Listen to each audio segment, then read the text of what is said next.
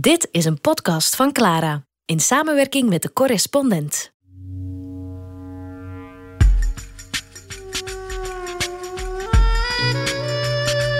Revolutie met David van Rijbroek.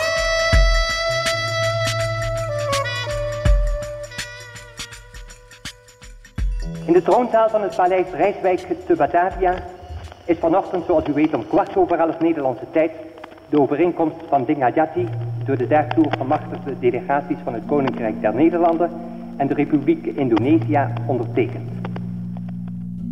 Het einde van de Tweede Wereldoorlog bracht vrede in Europa, maar onrust in Azië. En de reden daarvoor is dat Europa uit landen bestond, maar dat Azië, en dan vooral Zuidoost-Azië, uit kolonies bestond. Kolonies van die Europese landen.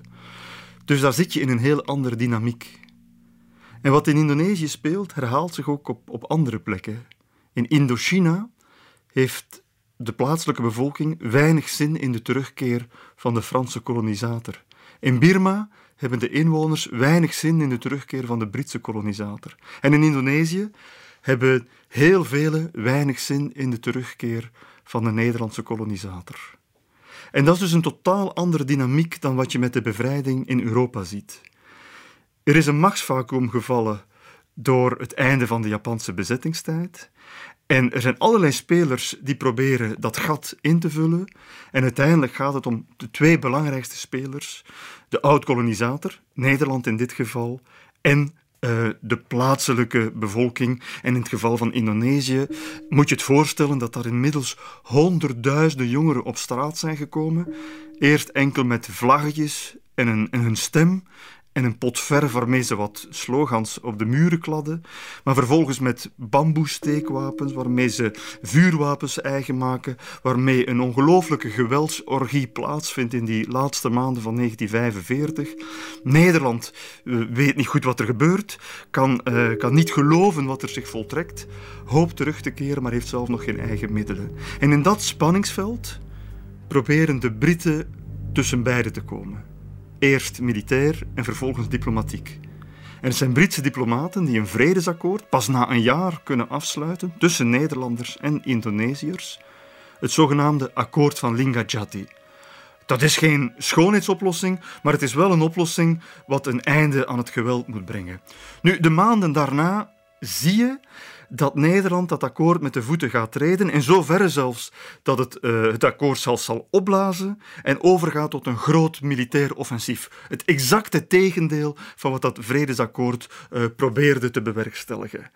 Twee weken lang is er een grote militaire actie, eufemistisch aangeduid als politionele actie, maar het gaat echt om oorlogsvoeren, het gaat echt om gebiedsuitbreiding. En de VN op dat moment nog een hele jonge organisatie, die reageert stom verbaasd. Uh, dat daar opnieuw het spel op de wagen zit. En het roept op, middels resolutie 27, het roept de strijdende partijen op om de wapens neer te leggen. Nu, dat is de allereerste keer dat de VN-veiligheidsraad strijdende partijen vraagt om een staakt het vuren uh, te gaan invoeren. Maar dat gebeurt niet. Het, uh, het, gaat verder en het gaat van kwaad naar erger.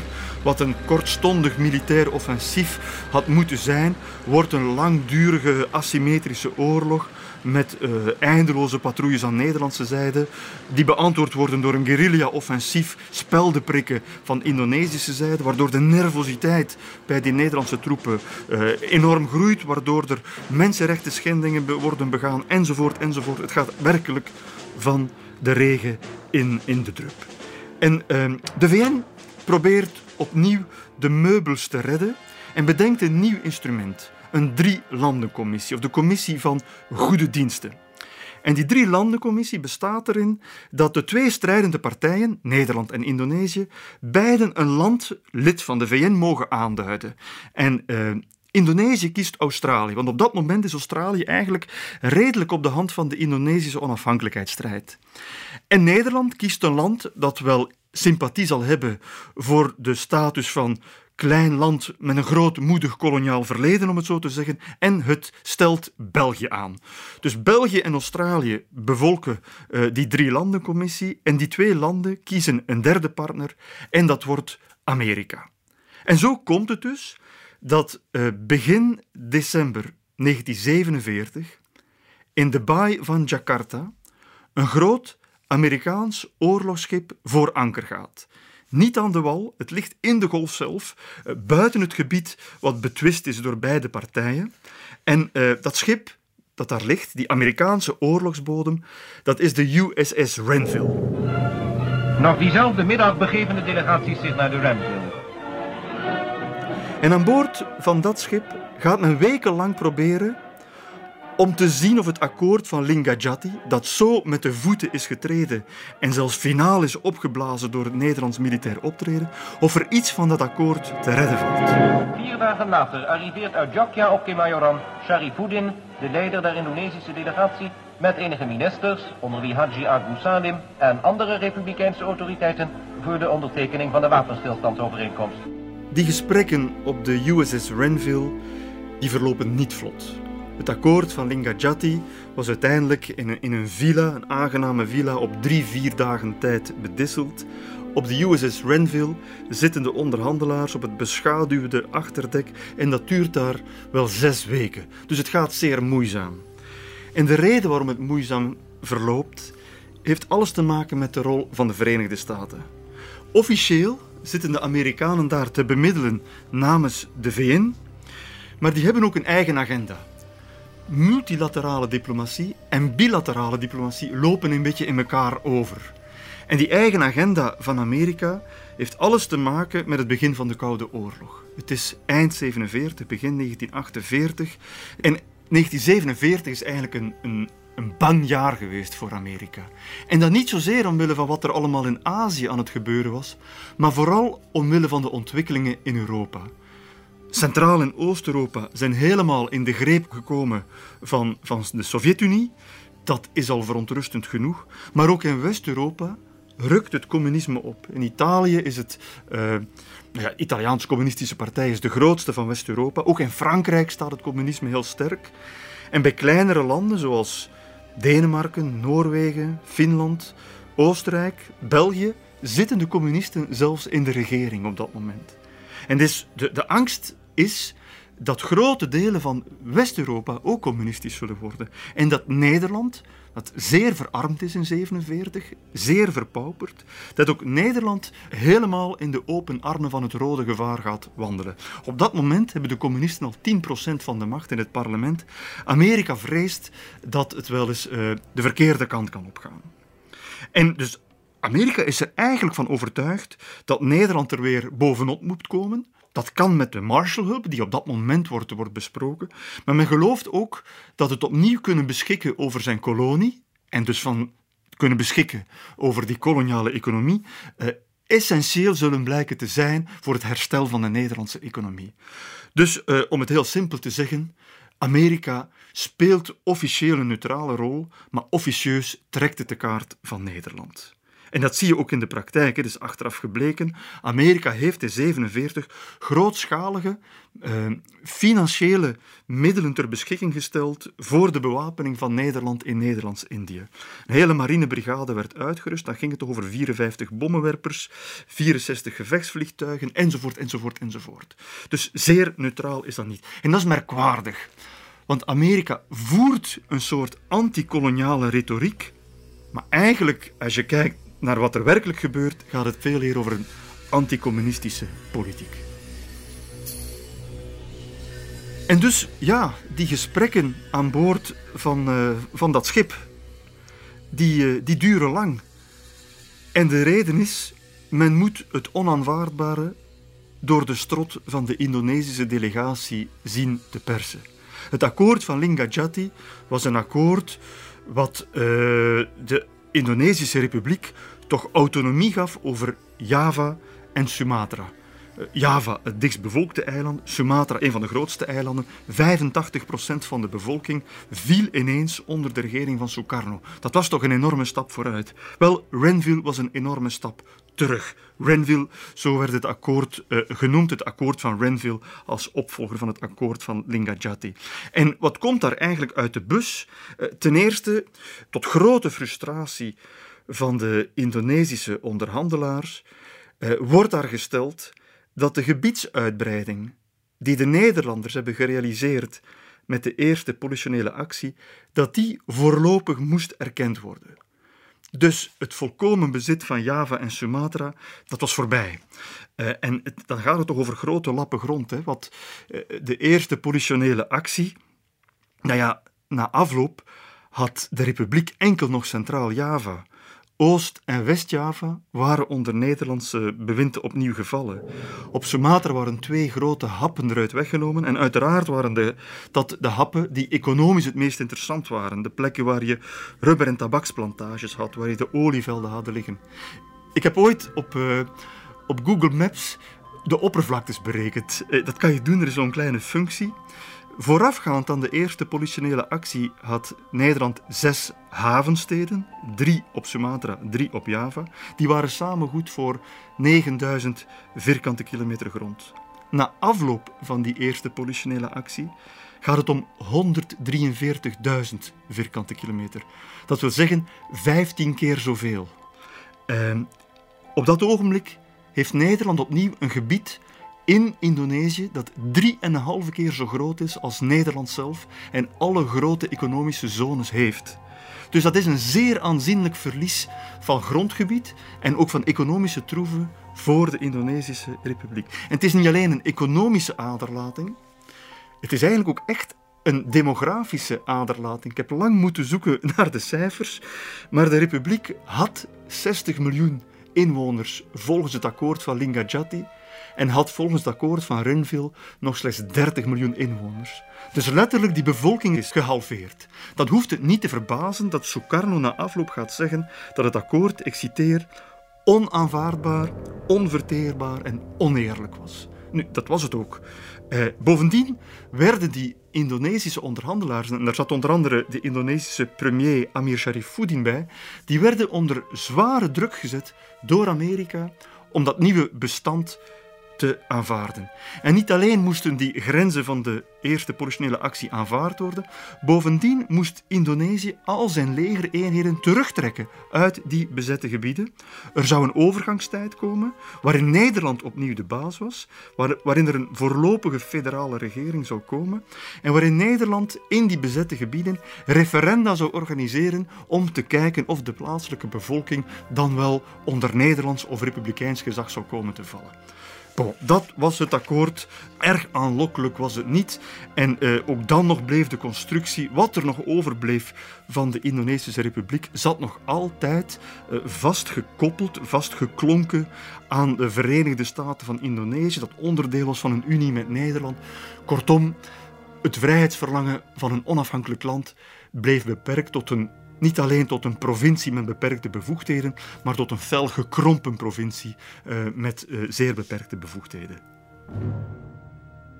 Op dezelfde plaats en rond dezelfde tafel waaraan in december van het vorige jaar de besprekingen begonnen, wordt de bijeenkomst door de voorzitter van de weefrechter Kirby geopend. Hij leest de voorwaarden der bestandsovereenkomst voor en verzoekt de delegatieleiders er hun handtekening onder te plaatsen. Achtereenvolgens tekenen Raden Abdulkadir voor Nederland en Sharifuddin voor de Republiek. Weer is een stap gezet op de weg naar de oplossing van het Indonesische probleem. Revolutie met David van Rijbroek. Ja, ik kan je voorstellen dat dat akkoord van Renville, wat door de strot is geramd van de Indonesische delegatie, die valt slecht bij de rest van de Indonesische samenleving. Die onderhandelaars worden niet bepaald met open armen ontvangen als ze die Amerikaanse oorlogsbodem verlaten en, en terug aan, wal gaan. Integendeel, premier uh, Amir Sharifuddin moet aftreden. Hij wordt vervangen door vicepresident Hatta, die tegelijkertijd premier wordt. Tegelijkertijd zie je dat Nederland ook dat akkoord, wat nogthans voor, voor, voor Nederland zo gunstig is, weinig respecteert. Uh, die voorgenomen referenda, die komen er nooit. Wat er wel komt, is dat Nederland verder gaat met allerlei deelstaatjes op te lichten. Een soort verdeel- en heerspolitiek. Van, we gaan daar een pro-Nederlands regeringetje zetten. En in dat gebied dat we net veroverd zetten, brengen we een pion uh, aan de macht. Dus een soort stelsel van marionettenstaten wordt daar gecreëerd. In plaats dat dit een soort langzame dekolonisatie door overleg is, wordt dat een, een soort snelle uh, uh, herkolonisatie vanuit een optiek van Nederlands neo-imperialisme. Maar Renville is er doorgekomen onder zware Amerikaanse druk. En je zou kunnen zeggen, die druk is zo zwaar dat de Indonesische Republiek daaronder verbrokkelt. De Indonesische Republiek, die creatie van Sukarno en Hatta, bestond er altijd in om drie verschillende tendensen van de Indonesische politiek samen te brengen. Die drie grote stromingen: islamisme, communisme, nationalisme. En uh, dat was eigenlijk gelukt. Die, die, tendensen waren er. Maar zolang er werd gestreden voor de onafhankelijkheid, uh, vergat men de verschillen en streed men voor een gemeenschappelijk doel.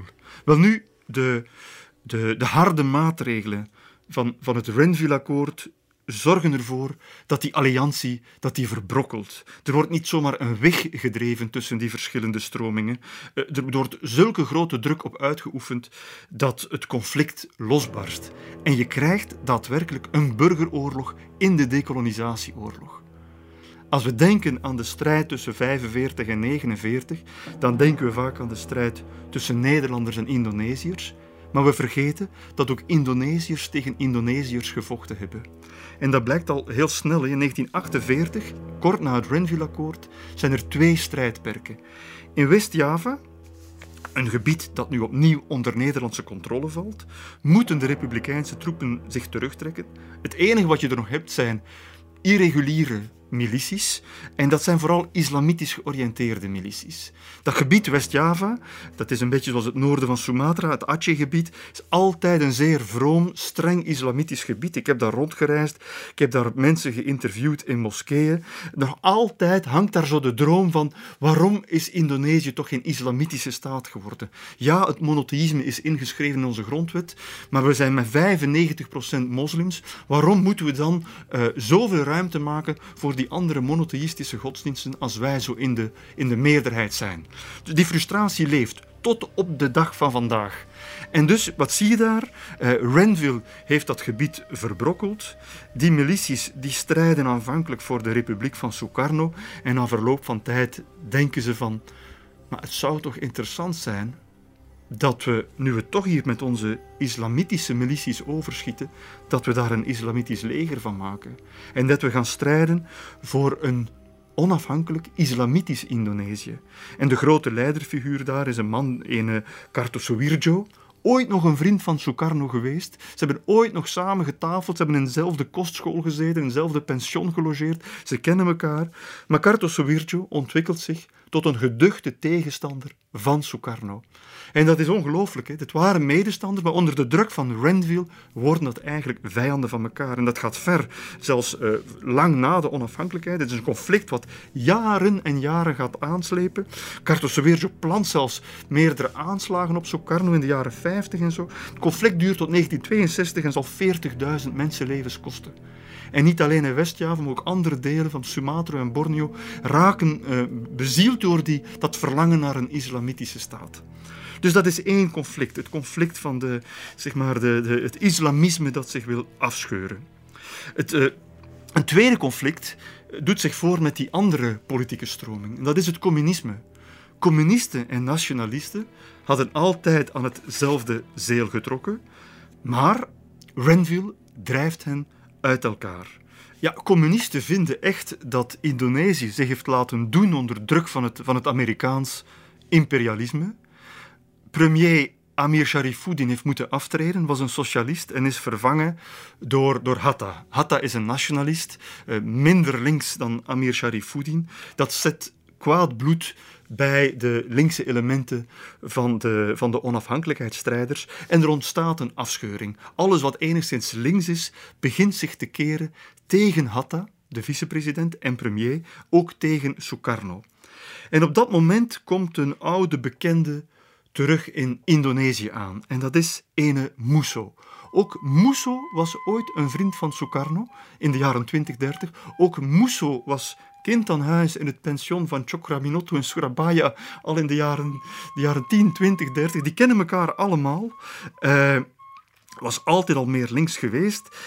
In de jaren twintig was hij al in Moskou geweest om te praten over de mogelijkheid van een Indonesische revolutie.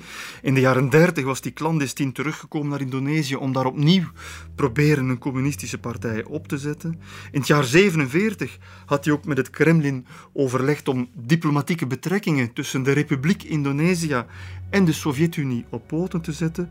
Ondertussen was hij met een Russische getrouwd, hij was een overtuigd Stalinist geworden en die keert terug en wordt binnengehaald als de grote verlosser op links. De afgezette Amin Sharifuddin en Musso die vinden elkaar eh, en dus die, die, die vormen echt een uitdaging aan het adres van Sukarno en Hatta en die, die ze eigenlijk omschrijven als ja, jullie zijn een soort bourgeois revolutionaire. Jullie zijn niet echt doordrongen van de waarachtige revolutionaire gedachte. Jullie nationalisme, dat is toch het nationalisme van de middenklasse en niet van de arbeidersklasse. Dus er ontstaat een echte tweestrijd tussen Musso en Amir Sharifuddin aan de ene kant, eh, die echt het communisme gaan, gaan belichamen, versus Sukarno en Hatta, die zij beschouwen als, uh, ja, als, als bourgeois uh, intellectuelen, nationalisten, die misschien wel onafhankelijkheid willen, maar dan toch meer een soort onafhankelijkheid voor de middenklasse die heeft kunnen studeren en niet voor de arbeidersklasse. En op een massabijeenkomst in 1948 zal Musso duidelijk uh, een aanval lanceren op Sukarno en Hatta. Broeders, onze revolutie duurt nu al drie jaar. Maar nog steeds hebben de arbeiders, boeren, permuda's en vrouwen er niet de vruchten van kunnen plukken. Integendeel, ze hebben juist sterk geleden. De proclamatie van onze onafhankelijkheid is uit de bocht gevlogen en de leiding van de revolutie is nu in de handen van de bourgeoisie en de grondbezitters. Terwijl het proletariaat volkomen uitgesloten is. Dit is het tijdperk van de arbeidersklasse. De Sovjet-Unie is de leider van de wereldrevolutie. Onze revolutie maakt daar deel van uit. Als we de zijde van de Sovjet-Unie kiezen, doen we goed. Ja, dat is dus ook het resultaat van Renville. De interne spanningen binnen de republiek lopen op. Islamisten verlangen naar een ander politiek ideaal dan de nationalisten. De communisten uh, geloven zelfs dat het niet meer mogelijk is en denken dat er maar naar Rusland moet worden gekeken. In Washington hoort men het natuurlijk donder. Men gelooft dat dat Musso een gevaar gaat vormen en dat hij een soort Indonesische variant van Mao Zedong of Ho Chi Minh aan het worden is. Dus die Amerikanen dachten met Renville uh, rust in de tent te brengen, maar eigenlijk kweekten ze nieuwe vormen van dissidentie en ook nieuwe vormen van geweld. En dat is precies wat je ziet gebeuren. Ik, ik kon daarover spreken met Sumarsono. Dat was een ongelooflijke getuige. Hij was, hij was communist. Hij was uh, zeer gelukkig met de terugkeer van Musso in, in Indonesië. Maar hij was zelf aangesteld als militair gouverneur in de stad Madiun. Hij werkte dus voor de, de republiek van Sukarno en Hatta. Maar hij zag dat in andere steden de strijd tussen nationalisten, de mannen van Sukarno en Hatta, en communisten, dat die strijd aan het oplaaien was. En in de stad Surakarta was zelfs al een belangrijke bestuurder vermoord geworden. Dus hij begon te vrezen voor zijn eigen leven. En dit is wat hij erover zei. Ik begrijp het nog steeds niet. Amir vertelde dat hij onder druk van de VS stond. De VS is een machtig land en Amir kon niet veel inbrengen. Hij moest zich plooien. Het was zinloos. Overal was het kolonialisme dood, maar hier nog niet. Hier heerste het neocolonialisme. Amir had nooit Australië mogen kiezen voor de Commissie van Goede Diensten. Wij en de partij verweten hem dat. Waarom had hij de Sovjet-Unie niet gekozen?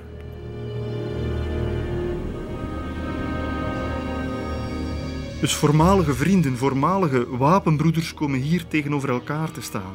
En wantrouwen groeit. En het gaat zelfs zo ver dat hij op 18 september 1948 met zijn troepen in de stad Madiun de politie gaat overmeesteren om te vermijden dat hij zelf vermoord wordt.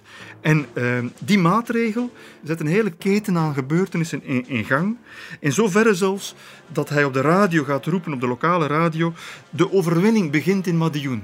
Het lijkt het begin van een communistische opstand. En je ziet ook dat in Madiun, in de stad Madiun, de rood-witte vlag van de Republiek Indonesië verscheurd wordt en vervangen wordt door de, het embleem met hamer en sikkel. En de, de, de kopstukken van de communistische beweging in Indonesië reppen zich naar Madiun en die denken van, bon, hier zal het beginnen. Misschien moeten we hier, van hieruit, een communistische revolte beginnen. Soumarson heeft tegen mij in het interview altijd gezegd, maar ik wou geen communistische revolte, ik wou gewoon voor mijn eigen veiligheid opkomen. Niettemin was er van tevoren wel degelijk overleg geweest met figuren als Musso en Amir en andere kopstukken om een communistische revolte te bespreken. Revolutie met David van Rijbroek. Uiteraard, eh, Nederland en Amerika zien dat niet graag gebeuren. Het gaat zelfs zo ver dat de Amerikaanse minister van Buitenlandse Zaken, Marshall, de, man van het Marshallfonds, zegt letterlijk dat hij diep bezorgd is over de communistische dreiging tegen het huidige gematigde republikeinse regime in Indonesië. Dus op het hoogste niveau volgt men de gebeurtenissen die Sumarsono heeft ontketend. En uh, de plaatselijke Amerikaanse topdiplomaat zegt tegen vicepresident Hatta dat deze Madiun-crisis, ik citeer, hem de kans bood om vastberadenheid te tonen in, de, in het onderdrukken van het communisme. Ja, Amerika zegt tegen Sukarno en Hatta, doe er iets aan. En dat is ook wat ze gaan doen. Uh, Sukarno geeft een speech op de radio. Broeders, ons vaderland staat voor een grote beproeving.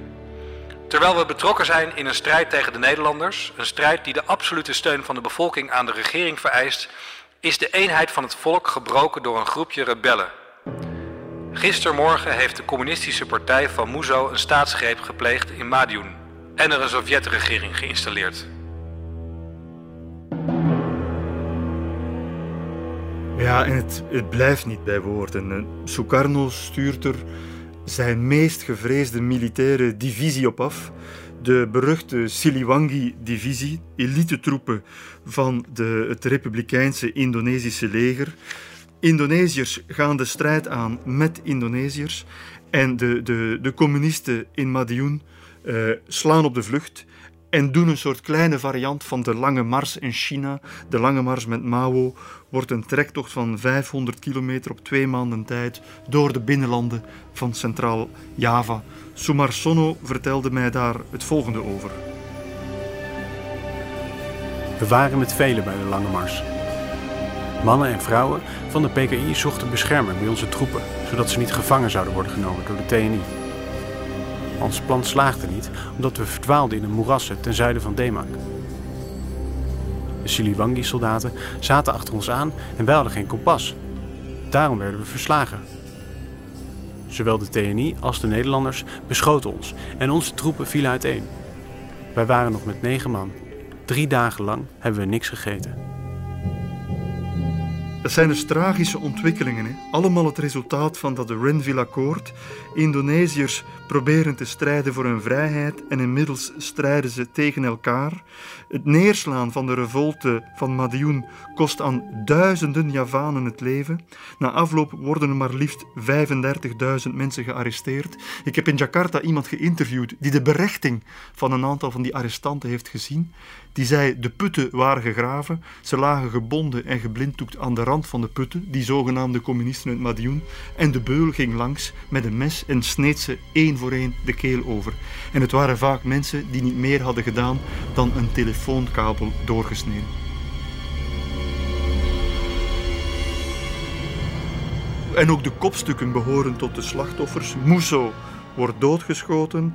Amir Sharifuddin wordt ingerekend en eh, later terechtgesteld. Sumarsono is een van de weinige centrale figuren die het overleefd heeft. En ik heb hem dus nog kunnen interviewen. Hij is inmiddels op 95-jarige leeftijd overleden in Sydney.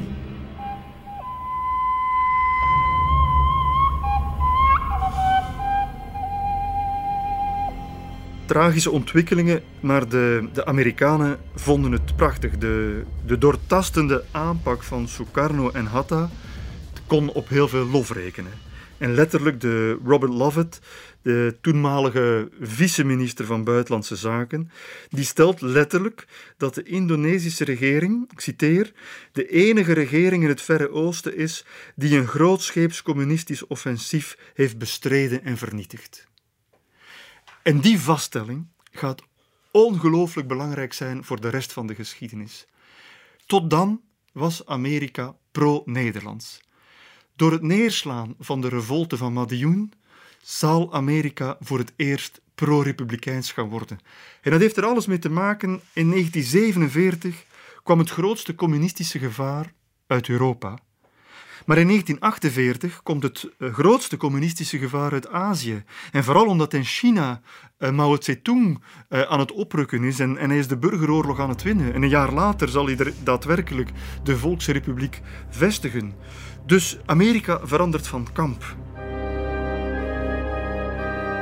Ja, die ontwikkeling is natuurlijk niet naar de zin van Nederland, waarvan een groot deel verlangt naar het opnieuw inpalmen van het overzeese gebied. En sterker nog, de, de krachten spelen nog meer in die richting. De katholieken hebben net de verkiezingen gewonnen. Minister van Overzeese gebiedsdelen is de katholiek Sasse geworden. Oud-premier Beel is in Indonesië benoemd als hoge vertegenwoordiger van de kroon. Ja, dat is toch echt meer van meer een Havik dan Van Mook, de vroegere hoogste ambtenaar, was. Uh, en aan de top van het leger staat nog altijd Simon Spoor, die ook het liefst van al de Republikeinen zou uitroken. Dus je zit daar echt met een aantal hardliners op het moment dat de Amerikaanse steun verdwenen is. En Beel, we hebben een fragment, Beel zegt het heel letterlijk. Telkens wanneer mij suggesties in deze zin werden gedaan. Wanneer men mij met verwijzing naar de ontzaglijke offers die de oplossing van de Indonesische moeilijkheden met zich bracht en brengt, erover sprak om Indië maar te verlaten, te abandoneren, heb ik daarop maar één antwoord gegeven. En het antwoord luidde, het woord abandoneren komt in mijn vocabulaire niet voor. En ik geef u gaande de verzekering dat het ook in de toekomst niet in zal voorkomen. Ja, Beel wil niet abandoneren, maar ondertussen hebben de Amerikanen wel hem geabandonneerd. Amerika wil namelijk die gematigde krachten, wil Sukarno en Hatta niet verliezen. Maar Beel en zijn medestanders hebben daar geen oren naar. En die willen die gematigde krachten juist verslaan. Waarom? Omdat er nog steeds schermutselingen zijn, omdat er nog steeds geen sprake is van ontwapening zoals het akkoord van Renville vroeg, omdat er nog steeds geen sprake is van samenwerking. En zelfs wanneer Amerika gaat dreigen om de om de Marshallhulp in te trekken, de hulp die bedoeld was voor Nederland en Nederlands-Indië, dan uh, brengt dat de Nederlandse hardliners niet op andere gedachten, wel in tegendeel. De kritieke situatie in Indonesië heeft tot een nieuw optreden van de Nederlandse strijdmacht geleid. De berichten over deze nieuwe strijd tegen de extremistische elementen in de republiek vonden gretig aftrek en werden op straat druk besproken.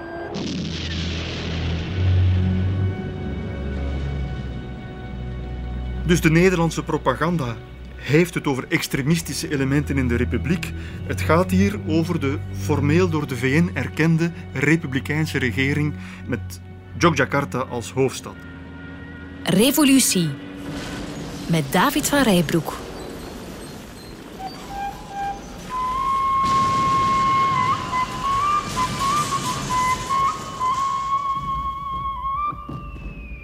Het is zaterdagavond, 18 december 1948 en Beel heeft net enkele uren voor middernacht het akkoord van Renville opgeblazen en de tweede politionele actie gelanceerd. Andermaal een grootschalig militair offensief waarbij zoveel mogelijk republikeins gebied moet worden ingenomen. Er is veel sabotage op voorhand gebeurd uh, door de republikeinse strijdkrachten, maar de opmars van de Nederlandse troepen verloopt andermaal erg vlot. En toen ik daarover sprak met Surahman, een van die Indonesische onafhankelijkheidsstrijders, vertelde hij mij daar het volgende over. De lijken werden per trein naar Yogyakarta gebracht. Uit Purwokerto, uit Magalang, uit Surakarta, uit Ambarawana. Soms waren ze drie dagen onderweg. De stank, het lijkvocht dat eruit liep, ze hadden geen kleren meer aan, ze waren enkel in bananenblad gewikkeld. Aan de wonden kon je zien of ze door een kogel of door een bom waren omgekomen. Bij sommigen zag je een gaatje in het lijf, bij anderen strepen en scheuren. Er waren ook meisjes bij. Zij hadden de verpleging en de voeding verzorgd. Sommigen hadden ook meegevochten, neergemitrailleerd vanuit een vliegtuig. Ik droeg de lijken van de trein naar de vrachtwagen. Een van de jongens die ik heb getraind was erbij. Ik herkende hem eerst niet. En het gaat snel en heel Java wordt nu ingenomen en grote delen van Sumatra. De eerste politionele actie was vooral economisch gemotiveerd.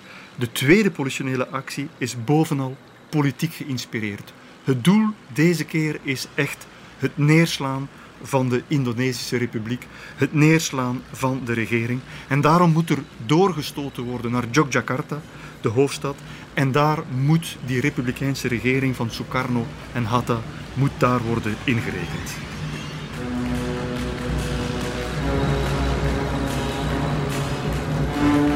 De tanks rukken op naar Yogyakarta. Parachutelanding levert troepen aan. En uh, de stad wordt, wordt ingenomen en men, men stevend echt af op het presidentiële paleis in het hart van de stad. En Sukojo Chokranmojo, toenmalig pelotonscommandant van de presidentiële garde, moest Sukarno bewaken. Hij was erbij.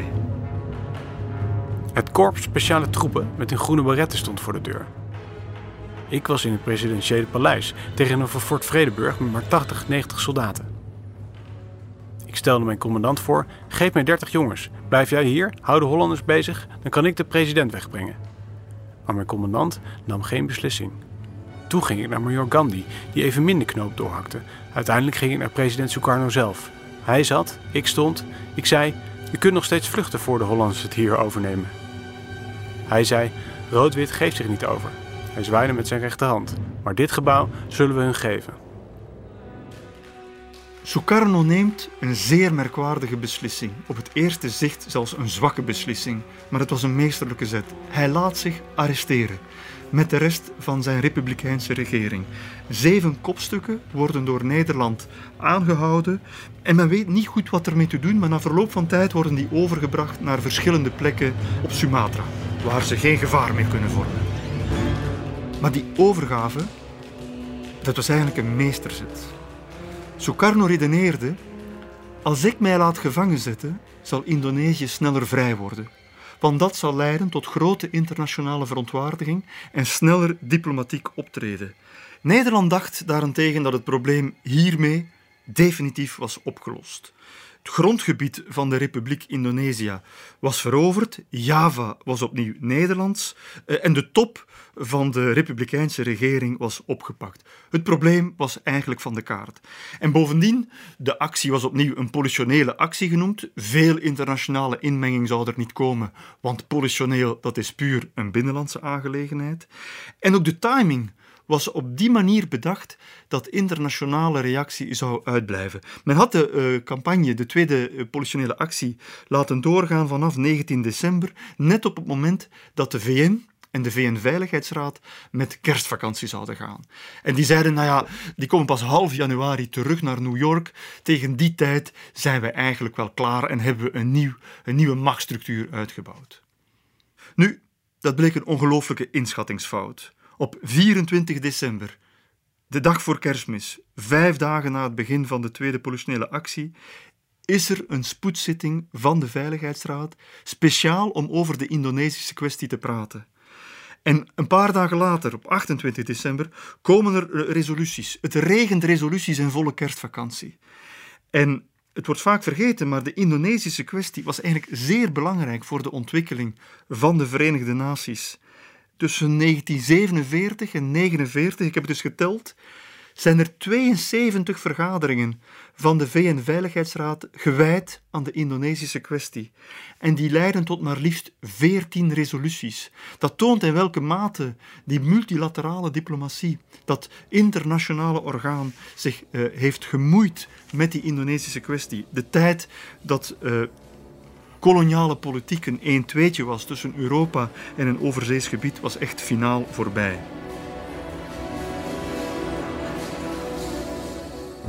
Ja, en Nederland krijgt er, krijgt er van langs hè, in die besprekingen van de VN-veiligheidsraad en zelfs van zijn Amerikaanse bondgenoot. Als je die verslagen leest, dat is indrukwekkend. De toenmalige uh, Amerikaanse ambassadeur bij de VN was Philip Jessup. En die zegt letterlijk: de snelle militaire successen van de Nederlandse strijdkrachten zullen niet leiden tot een oplossing van het Indonesische vraagstuk. De enige overwinning zal die van de anarchistische krachten zijn. En die Jessup, daar hebben we zelfs een geluidsfragment van. It is hardly necessary for me to emphasize the seriousness with which my government would view a failure by the parties to comply with the Council's ceasefire order. Of course, in such an event, the Council would, under Article 40, have to take such failure into account in considering further action. Ja, artikel 40, dat is een diplomatieke manier om te zeggen we zullen tussen beiden komen. Artikel 40 van het handvest van de VN staat de VN toe om voorlopige maatregelen te nemen. Dat gaat nogal ver, hè? Dat is werkelijk het artikel dat de nationale soevereiniteit van een land tijdelijk aan de kant kan zetten om de vrede te bewerkstelligen. Dus de Amerikanen dreigen hier eigenlijk met het tijdelijk tussen haakjes zetten van de Nederlandse autonomie. En zo gebeurt het ook. Op 28 januari 1949 wordt resolutie 67 gestemd. Dat is een bijzonder belangrijke resolutie in de geschiedenis van de internationale politiek. Normaal is zo'n VN-resolutie, dat is twee, drie zinnetjes lang, dat is heel sumier.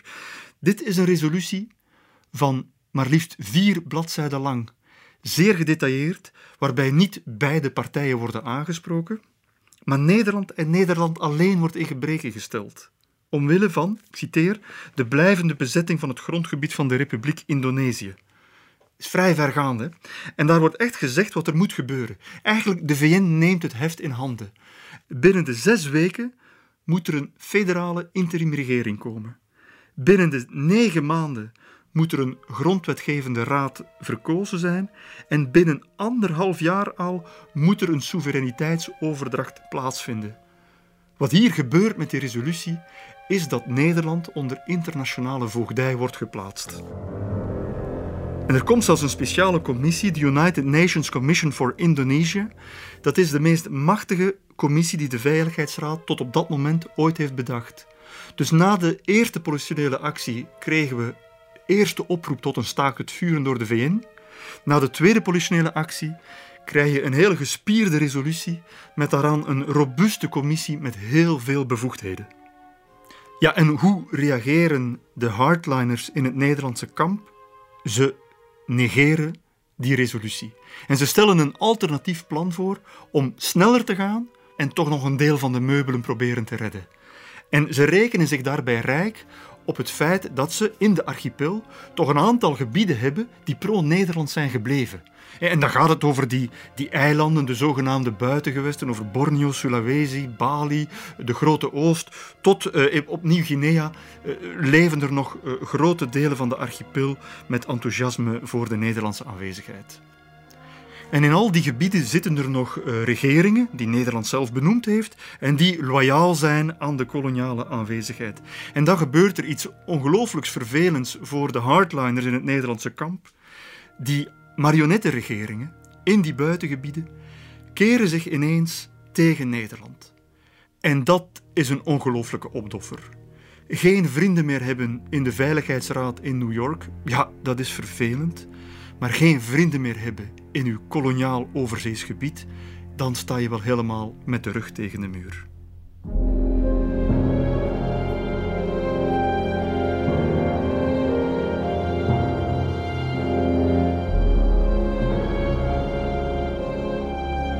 Maar nu, ook in Nederland waren de, de stemmen verdeeld. En, dat begreep ik toen ik ergens in een antiquariaat in Amsterdam een beduimeld exemplaartje vond van een boek de Indonesische tragedie Het treurspel der gemiste kansen.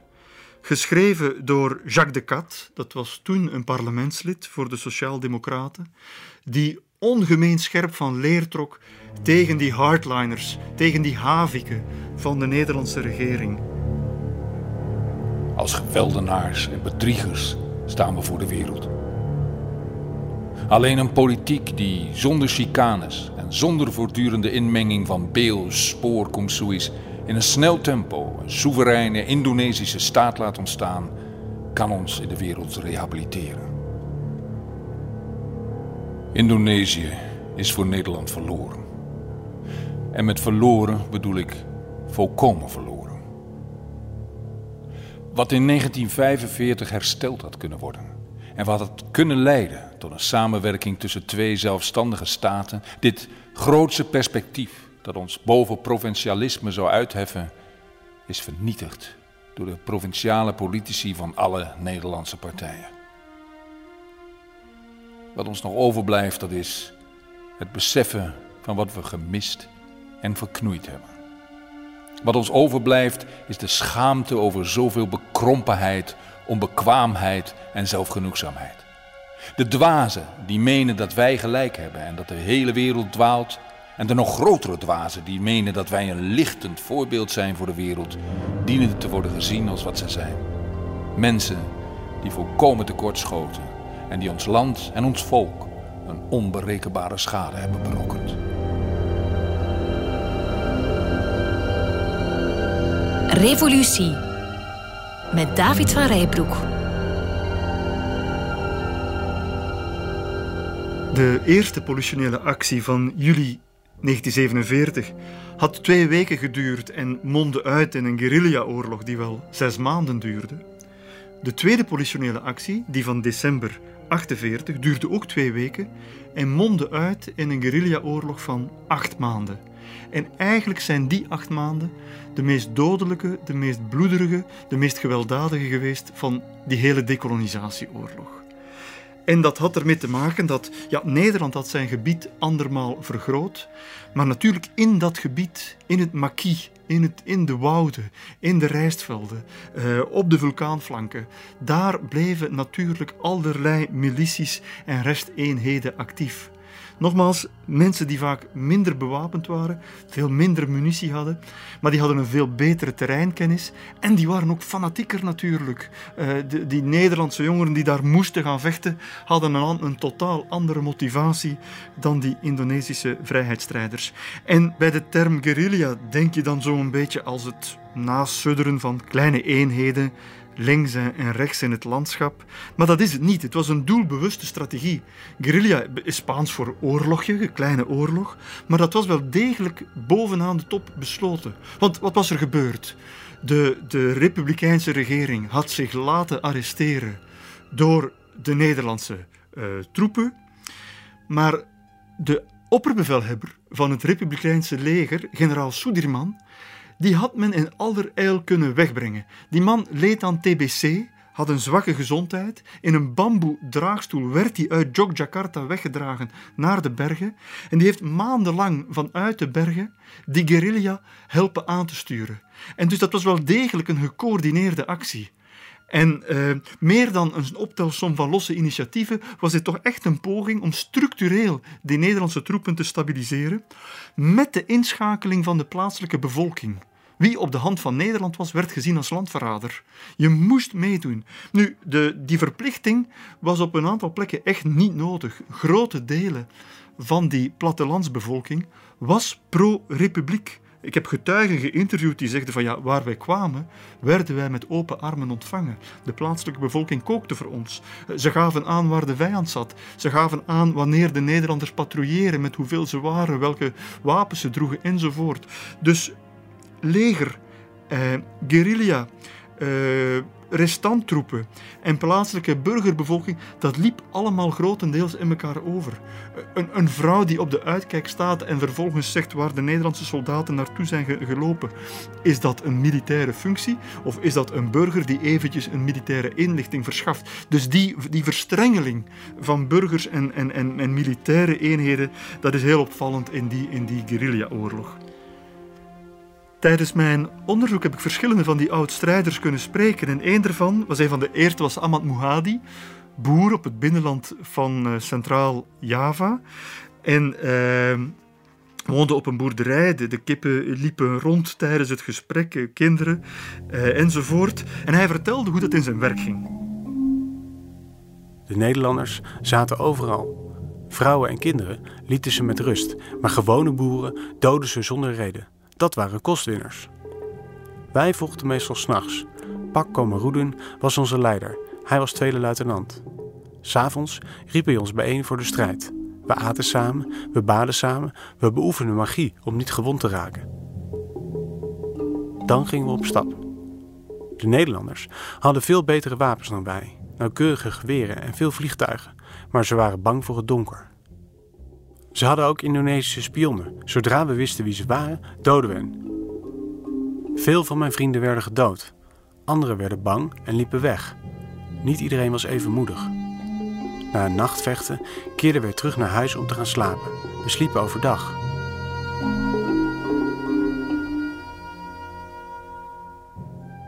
Ja, en dat het om een gecoördineerde guerrilla ging, blijkt uit het belangrijkste wapenfeit. Op een bepaald moment, 1 maart 1949, slagen die troepen erin om voor één dag, het was niet lang, maar toch, Jogjakarta opnieuw in te nemen. Dus dat was toch echt wel het bewijs van een gecoördineerde actie. Voor de Nederlandse soldaten was die guerrilla bijzonder vervelend. Er werd niet in een open veld gevochten, leger tegen leger. Integendeel, de Nederlandse soldaten patrouilleerden in, in groepjes van 12, 20, 30 soldaten door een uitgestrekt gebied, wat ze vaak niet goed kenden. En links en rechts zaten er uh, guerrilla-strijders. En dus de openlijke confrontatie uh, vond weinig plaats. Het was een typische asymmetrische oorlog. Je hebt een regulier leger met een commandostructuur, met uniforms, met, met veel wapens enzovoort, met een hele logistiek. En daarna heb je groepjes loslopende elementen die gaan proberen jouw leven zo zuur mogelijk te maken. En dat gaat van trekbommen uh, in de rand van de weg, beschietingen vanuit het woud, uh, aanvallen op konvooien enzovoort. En natuurlijk zorgt dat voor een enorme nervositeit bij die Nederlandse eenheden. En dat leidt tot oorlogsmisdaden. Maar die oorlogsmisdaden die zijn niet enkel het resultaat van individuele sadisten, die er ook waren, die midogeloos te werk gingen. Die zijn niet enkel het resultaat van soldaten die door de stresserende omstandigheden volkomen door het lint gaan, burgerslachtoffers maken, een dorp platbranden, eh, een boer willekeurig uh, vermoorden. Nee, die hebben ook te maken met structurele beperkingen, structurele factoren van die Nederlandse oorlogsvoering.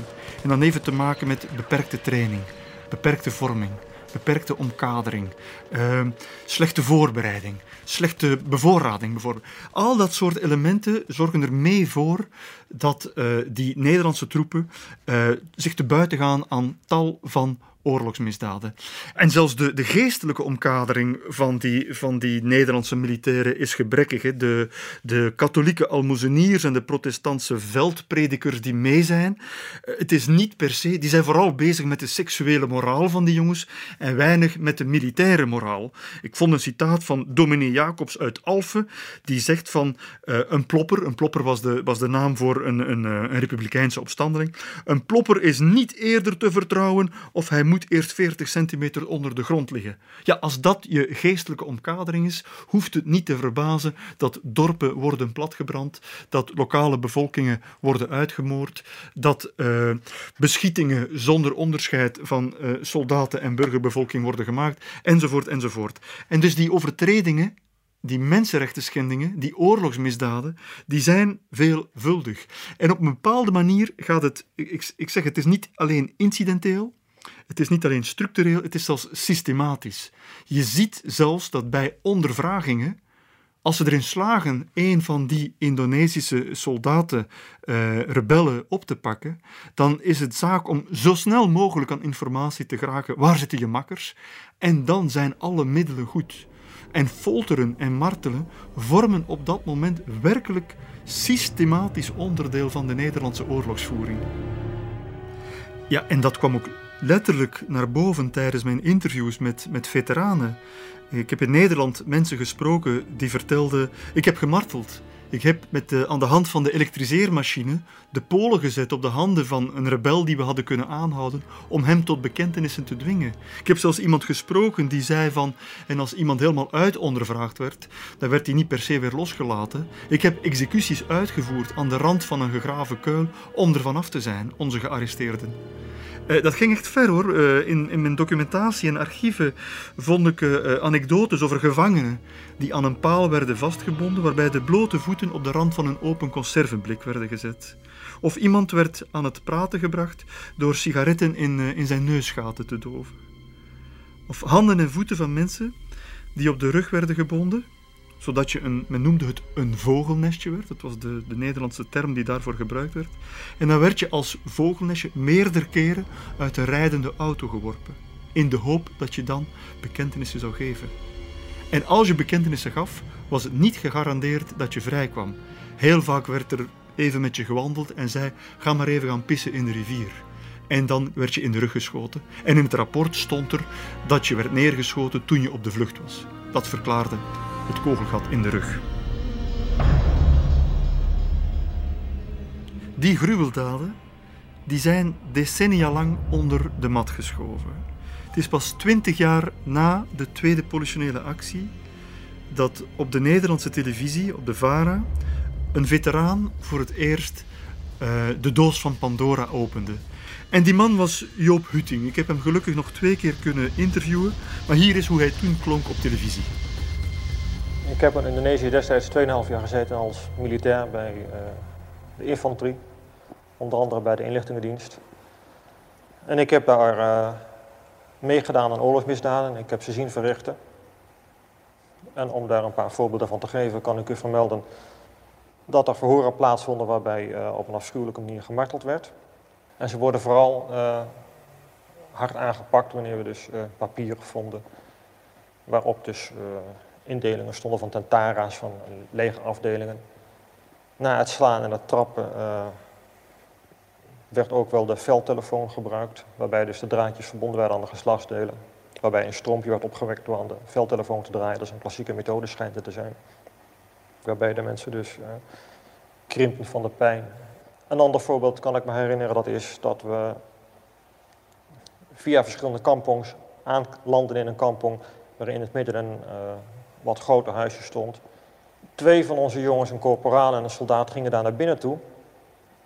En de corporaal die schoot daar zijn schmeiser, pistoolmitrailleur leeg. Ik ging naar binnen en ik zag daar in het uh, schemerdonker 15, 20 mensen, vrouwen, kinderen en mannen, gehurkt op een hoop zitten. En toen ik er aan gewend was, zag ik daar het spuiten van de slagadelijke bloedingen, het uh, gegil, doodsnood en de doodskreten van die mensen daar in dat huisje. Toen hij die getuigenis gaf, was, er, uh, was Nederland te klein. Nederland ontplofte op dat moment. Brave huisvaders moesten ineens aan hun kinderen uitleggen wat zij twintig jaar geleden hadden gedaan in Nederlands-Indië. Maar een van de redenen waarom mensen ook zo heftig reageren, had ermee te maken dat veel van die veteranen, die nu allemaal over dezelfde kam werden geschoren, zelf geen oorlogshandelingen hadden gesteld. Het is pas sinds een paar jaar dat we een een soort cijfer hebben over hoeveel mensen waren inderdaad ingezet bij oorlogshandelingen. En dan zie je dat er maar één op de vier van die Nederlandse soldaten daadwerkelijk in het veld heeft gestaan met een geweer. Dus dat is, dat is, en dat verklaart waarom zoveel van die soldaten ongelooflijk kwaad waren. En men vond Hutting een landverrader, een rode rakker. Die kreeg dreigbrieven. Ik heb die gevonden in, in, zijn, in zijn archief. Echt, het was er niet naast. En eh, de bedoeling was echt van, die man die, die, die, die, die vertelt verzinsels. Dat kan niet waar zijn. Maar inderdaad, een groot deel van die troepen was enkel betrokken geweest in logistieke diensten. Wij denken bij een leger, een leger dat zijn soldaten die doden.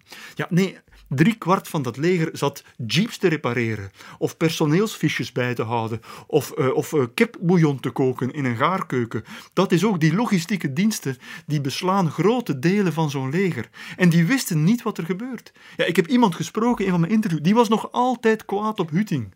En, maar, maar, toen ik hem vroeg, wat was uw eigen taak? Ja, ik had slechte ogen, ik zat op de telegrafiedienst. En ik moest op de kazerne, op de basis blijven zitten, terwijl de andere jongens erop uittrokken.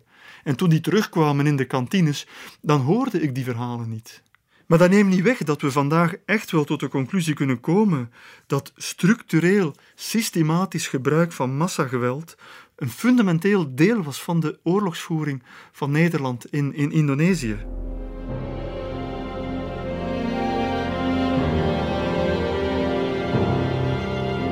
Revolutie met David van Rijbroek.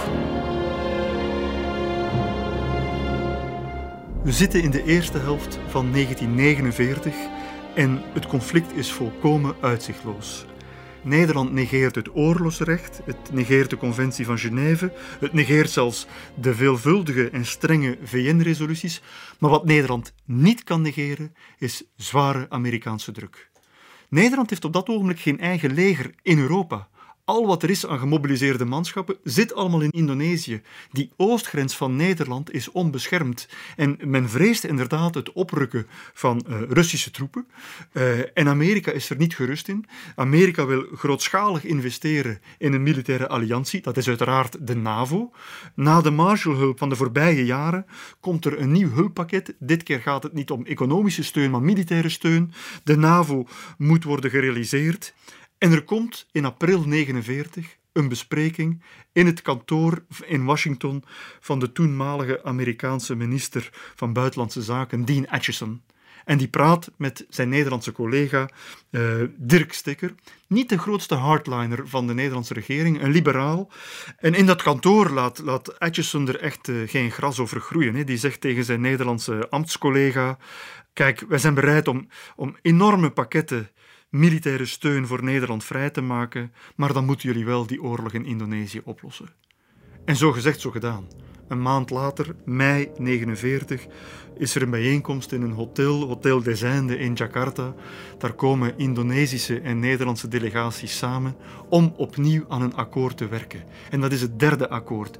Na het akkoord van Linggadjati, na het akkoord van Renville, krijg je nu het Roem van Rooyen akkoord. Roem en van Rooyen, eh, dit akkoord is niet vernoemd naar de plek waar de onderhandelingen plaatsvinden. Dat zijn de twee toponderhandelaren aan Indonesische en aan Nederlandse zijde.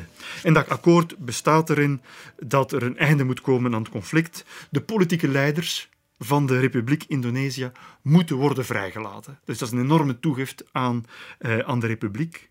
Bovendien moet de Republiek Indonesië opnieuw grondgebied krijgen. En dat wil zeggen, Yogyakarta en een gebied daar rond moet opnieuw eigendom worden van de Indonesiërs. Nederland moet ophouden met nieuwe deelstaten te gaan oprichten en zijn verdeel- en heerspolitiek tot een einde brengen. En uiteindelijk moeten er vergaande besprekingen gaan komen in Den Haag. Ja, dat is natuurlijk niet naar de zin van de hardliner in het Nederlandse kamp. Beel uh, treedt af als hoge vertegenwoordiger van de kroon.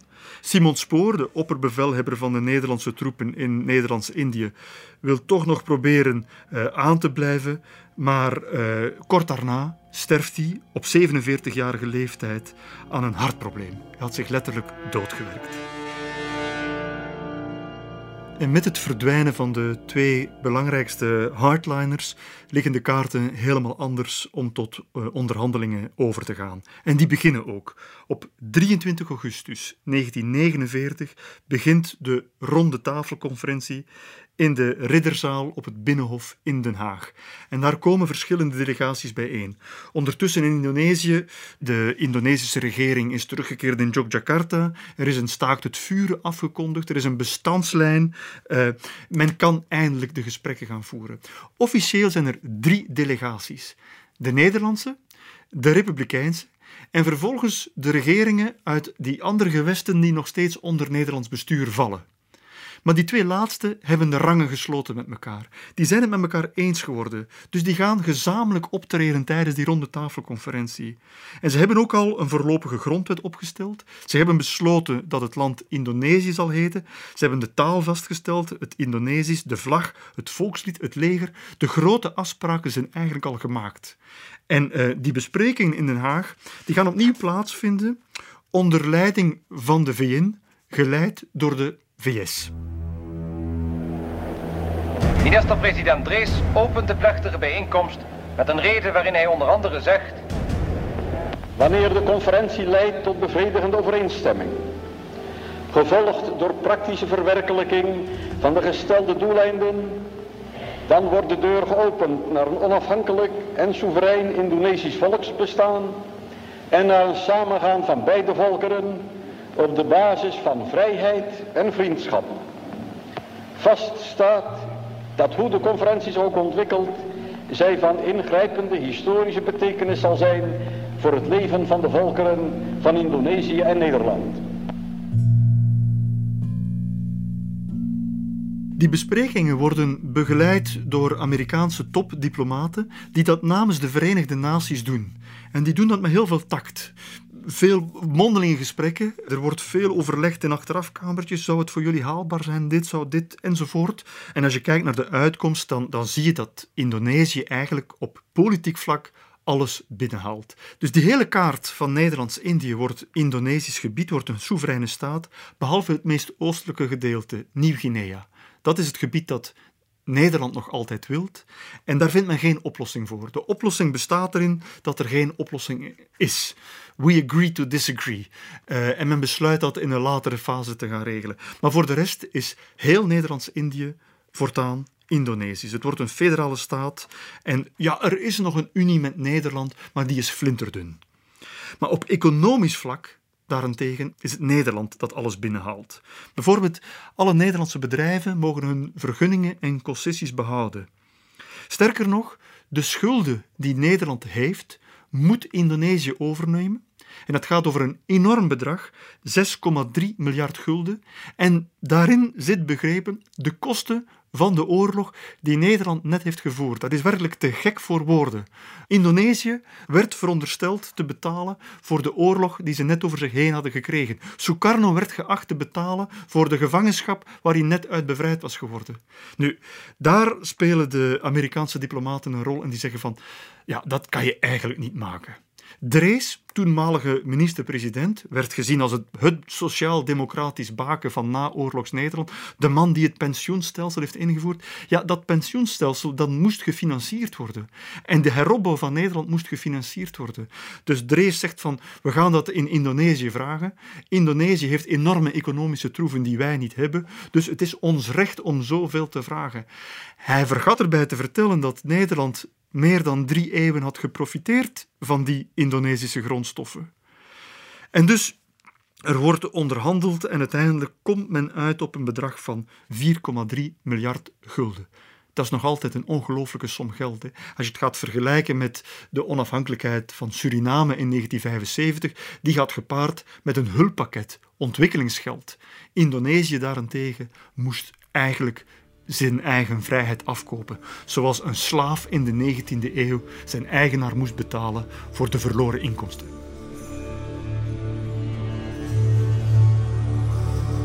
Nu, waarom is Nederland in staat om dat hele overzeese gebied zo snel los te laten? Het antwoord is van een, van een cynische eenvoud.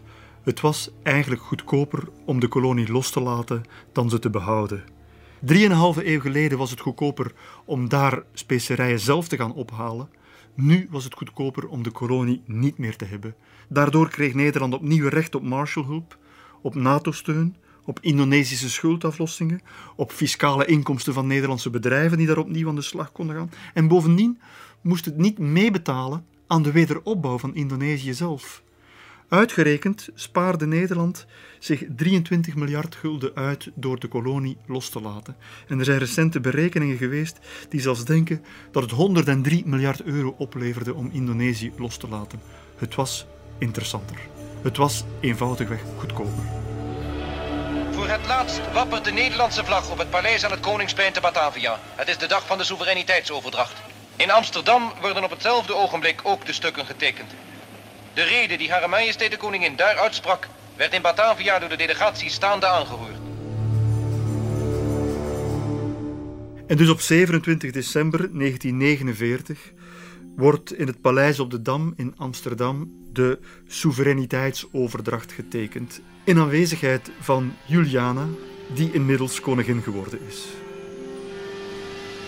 Het is een voorrecht deze daad van overdracht der soevereiniteit te verrichten tegenover de geschiedenis. Of beter gezegd, voor het aangezicht Gods, die weet waarom dit samengaan in vrijheid niet eerder en ook niet later werd bereikt. En die het falen kent der generaties.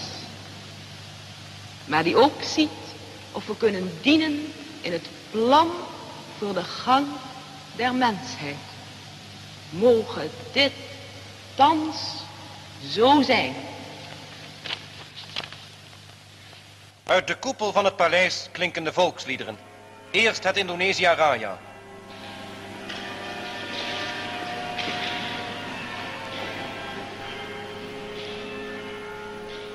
In Indonesië kon je die ceremonie op de radio volgen. In Jakarta was er een korte ceremonie op het centrale plein waarbij de Nederlandse driekleur gestreken werd en de Indonesische vlag voor het eerst officieel werd gehezen. Onder de tonen van het Indonesische volkslied gaat vervolgens de rood-witte vlag in top. En aansluitend is er een ceremonie in Yogyakarta, de hoofdstad van de republiek, waar Sukarno formeel wordt geïnstalleerd als president van het nieuwe federale Indonesië. Na een kort oponthoud begint dan de intocht van de president in de hoofdstad van de Verenigde Staten van Indonesië. Het wordt een triomfale rit van het vliegveld naar het paleis aan het Koningsplein. In een hartstochtelijke redenvoering roept president Sukarno het Indonesische volk op te werken en te strijden voor de nationale eenheid. Dan saudara-saudara sekalian, apa sebab sekarang sang Triwarna bisa berkibar di sini? Tak lain tak bukan jalan oleh karena rakyat Indonesia yang 70 miljoen ini berjuang mati-matian.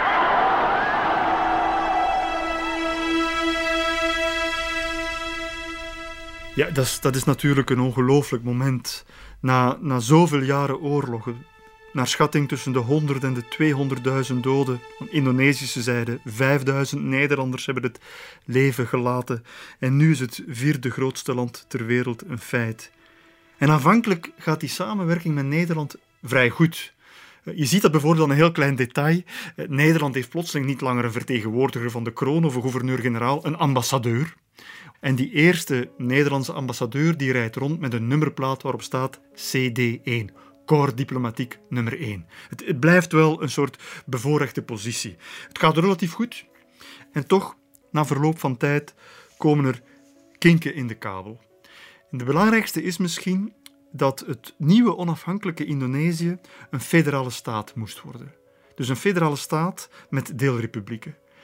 Daar viel veel voor te zeggen als je een archipel die zo groot is, uh, 5000 kilometer lang, daar valt nogal wat voor te zeggen om dat niet allemaal vanuit één hoofdstad Jakarta te gaan besturen. Maar voor veel Indonesiërs was de federale gedachte volkomen uh, gelinkt aan de verdeel- en heerspolitiek van de Nederlandse koloniale overheersing. Het federalisme werd geassocieerd met het kolonialisme. En dus na een mum van tijd heeft men dat federalisme afgeschaft. En is men terug een unitaire staat gaan maken van Indonesië, met Sukarno als grote centrale leider. Dat kon in Nederland op weinig sympathie rekenen. Eigenlijk had Nederland daar niets mee te maken. Het land was onafhankelijk en mocht zich inrichten zoals het wou. Maar het was toch alsof daar een integraal onderdeel van de soevereiniteitsoverdracht werd miskend. Ten tweede raakte het geschil met Nieuw-Guinea ook niet geregeld. Nederland wou in Nieuw-Guinea actief blijven. Sukarno vond dat het natuurlijkerwijs bij de archipel en dus bij Indonesië hoorde. En je ziet het ook bijvoorbeeld in die unie met Nederland, die lichte unie die bestond boven Indonesië en boven Nederland, was er een soort overlegcomité. Wel, dat overlegcomité heeft maar twee keer bijeengekomen. Toch een vrij beperkte werking. En je ziet ook dat het Nederlands als taal steeds meer vanuit het straatbeeld verdwijnt. Uh, het Indonesisch neemt het helemaal over. Indonesië is een van de weinige ex-kolonies waar de nationale taal niet meer die is van de koloniale overheersing. In de, in de vele Afrikaanse landen vandaag spreken nog steeds Frans. In India blijft het Engels een dominante taal, maar in Indonesië vandaag zijn er nog enkel sommige ouderen die een beetje Nederlands spreken. En alles wat Nederlands is, moet verdwijnen. Hè? Niet, niet alleen de Nederlandse taal, maar zelfs Molukse soldaten die hebben meegevochten in het knil aan de zijde van Nederland, die zijn niet langer welkom in het nieuwe Indonesië. En zo'n 12.000 van die soldaten uh, voelen zich gedwongen. Zo'n 12.000 van die soldaten moeten migreren naar Nederland. Met, op grote schepen vertrekken zij.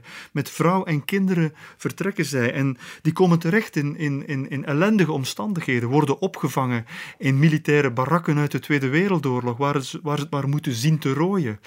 En dat zal tot zeer veel frustratie leiden. De Molukse acties van de jaren 70, de treinkapingen, nou, dat zijn de kinderen van die militairen die zich volkomen tweederangsburgers voelen in Nederland.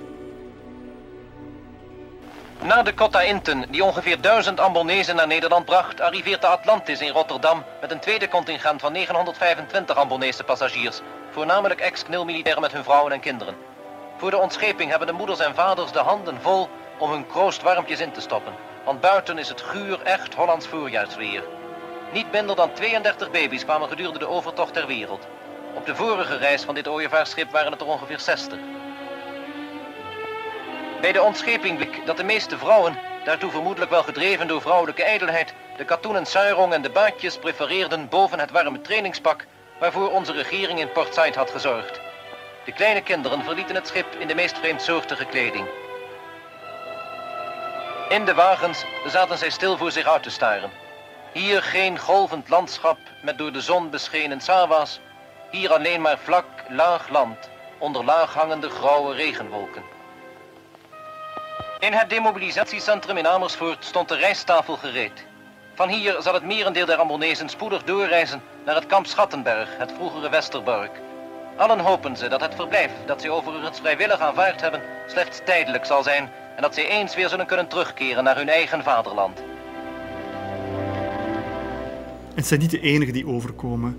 Omwille van het aanslepende conflict over Nieuw-Guinea gaat Sukarno het leven zuur maken van iedereen die nog Nederlandse is in Indonesië. En dat, dat zie je, de, de Nederlandse bedrijven krijgen het heel lastig. Indische Nederlanders wordt het leven zuur gemaakt. De, de KLM mag niet langer landen enzovoort. En bedrijven worden zelfs genationaliseerd. En gaandeweg vertrekken mensen. En dat leidt tot een migratiestroom die toch zeer aanzienlijk is. Tussen 1950 en 1962 gaan er een kleine 300.000 mensen van Indonesië naar Nederland verhuizen. Eh, dat zijn vaak Indische Nederlanders. Vandaag in Nederland maken die, de kinderen daarvan, maken 1,2 miljoen Nederlanders uit. Dus toch ongeveer 8% van de Nederlandse bevolking. De relatie met Nederland verzuurt op een paar jaar tijd, maar ook de relatie met Amerika verzuurt in snel tempo. En dat heeft alles te maken met hoe Sukarno omgaat met de communisten in Indonesië. Amerika heeft een hekel aan het communisme. In Europa heeft het de NAVO opgericht. En ook in het Midden-Oosten en in Azië wil het een buffer opwerpen tegen het rode gevaar. Zeker omdat nu ook China communistisch is geworden. En dus naast de NATO krijg je de MITO en de SEATO. De MITO is de Middle East Treaty Organization. SEATO is Southeast Asia Treaty Organization. Eigenlijk is het idee, we gaan een buffer aanleggen. Echt een dam tegen het communistische gevaar. En dus van Ierland in het noordwesten tot Nieuw-Zeeland, over de halve wereldbol, moet daar een soort schutkring worden aangelegd. En twee landen willen niet meedoen, India en Indonesië. En dat wekt natuurlijk enorme vrevel bij Amerika. In zoverre zelfs dat Eisenhower, verantwoordelijk voor de ontplooiing van, van dat model, roept op een bepaald moment tijdens een, een bijeenkomst van de Nationale Veiligheidsraad in 1954, zegt hij, Why the hell did we ever urge the Dutch to get out of Indonesia? Dus die begint het zich al te beklagen dat zijn voorgangers Nederland heeft gedwongen naar de uitgang. Dus de banden met Nederland en Amerika zijn op enkele jaren tijd volkomen verzuurd, maar de banden met India daarentegen worden veel beter. Het tweede grootste land ter wereld wordt echt een partnerland van Indonesië. En Sukarno en Nero kunnen het goed met elkaar vinden. En ook met voormalige Britse kolonies is er goed contact met Sri Lanka, met Pakistan en Birma. Ook die landen zijn allemaal pas onafhankelijk. En op dat moment heeft Sukarno een idee. Hij vindt dat er een bijeenkomst moet komen, nou niet alleen met die Britse ex-kolonies en Indonesië, nee, hij vindt dat er een grote internationale conferentie moet komen van landen die pas onafhankelijk zijn, of die nog steeds gekoloniseerd zijn, of op het punt staan om onafhankelijk te gaan worden. En dat wordt de fameuze conferentie van Bandung. En het Westen is er dus echt niet gerust op. The beautiful part of Western Java is a new focus of mankind's thoughts and hopes as men from 30 Asian and African nations come together in April 1955 to discuss problems affecting more than half the population of the globe. Ja, dus echt meer dan de helft van de toenmalige wereldbevolking is daar, eh, is daar vertegenwoordigd. En figuren zoals Nehru van, van India is daar. Zhou Enlai van, van China, de rechterhand van Mao, komt voor het eerst op een internationaal congres. Nasser, die pas aan het hoofd van Egypte is komen te staan, die zijn daar allemaal vertegenwoordigd. India's Prime Minister Mr. Nehru played a leading role throughout the meeting. So did Mr. Zhou Enlai, Communist China's premier. Die conferentie van Bandung eh, heet officieel de Azië-Afrika-conferentie. Daar wordt echt een nieuwe dynamiek gesmeed. En dat, dat hoor je ook tijdens de openingsrede van president Sukarno. This is the first intercontinental conference of colored peoples, so-called colored peoples, in the history of mankind.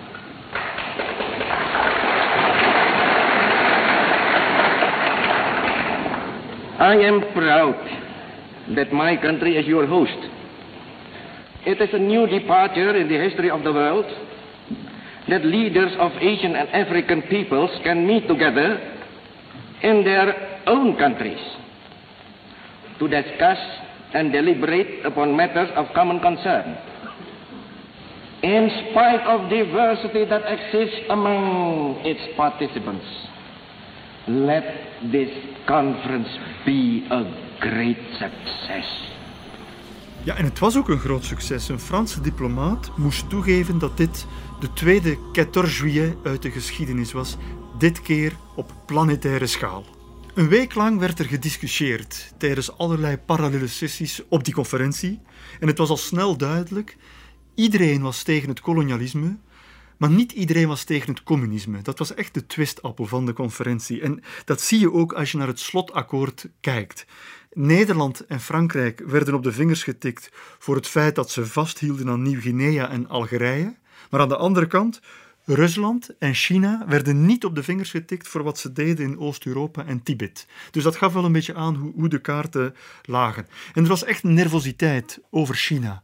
China was nog maar een paar jaar communistisch geworden en die kleine buurlanden vreesden dat hen hetzelfde lot beschoren was als de landen in Oost-Europa die plotseling onder het Russisch-Sovjet-regime waren beland. Men vreesde, eh, men zei het letterlijk, dat er na het ijzeren gordijn nu een bamboegordijn zou komen.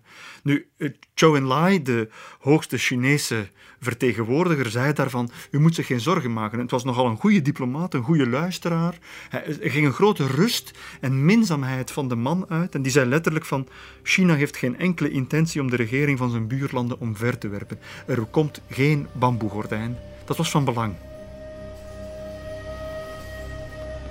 En de belangrijkste conclusie van Bandung was eigenlijk: dit is het begin van de Koude Oorlog. Maar nieuwe landen of toekomstige landen zijn niet verplicht om zich te scharen aan Amerikaanse zijde of Russische zijde.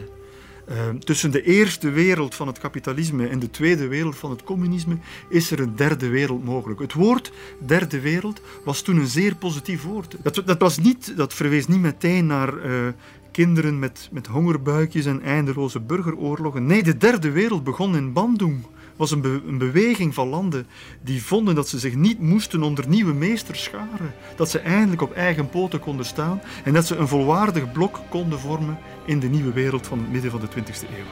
Small and great nations are represented here with people professing almost every religion under the sun Buddhism, Islam, Christianity, Confucianism, Hinduism, Jainism, Sikhism, Zoroastrianism, Shintoism, and others. En die nieuwe dynamiek, dat zie je al in de populariteit van Sukarno. Hè. Die is, dat is een, een held na afloop van Bandung.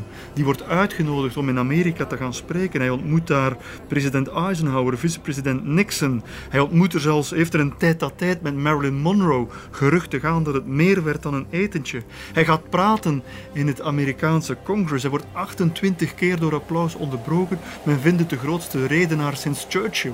Eh, maar tegelijkertijd eh, reist hij verder de wereld rond Canada, Italië, Vaticaanstad, West-Duitsland. Goed, dat zijn allemaal westerse landen. Maar hij komt ook terecht in Rusland, Joegoslavië, Tsjechoslowakije. Dat is echt de derde wereld. Dat is de spirit of Bandung. Je bent overal wel gekomen. Dus Sukarno, die jaren in de gevangenis heeft gezeten en in ballingschap heeft gezeten, is nu plotseling een wereldleider die overal welkom is.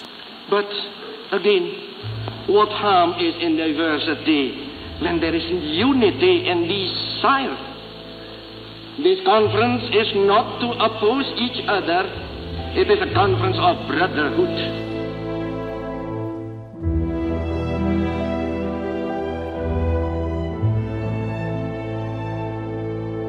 Het gaat natuurlijk niet alleen over de persoon van Sukarno.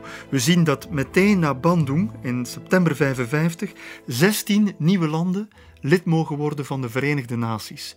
De VN gaat verzuidelijken dankzij Bandung.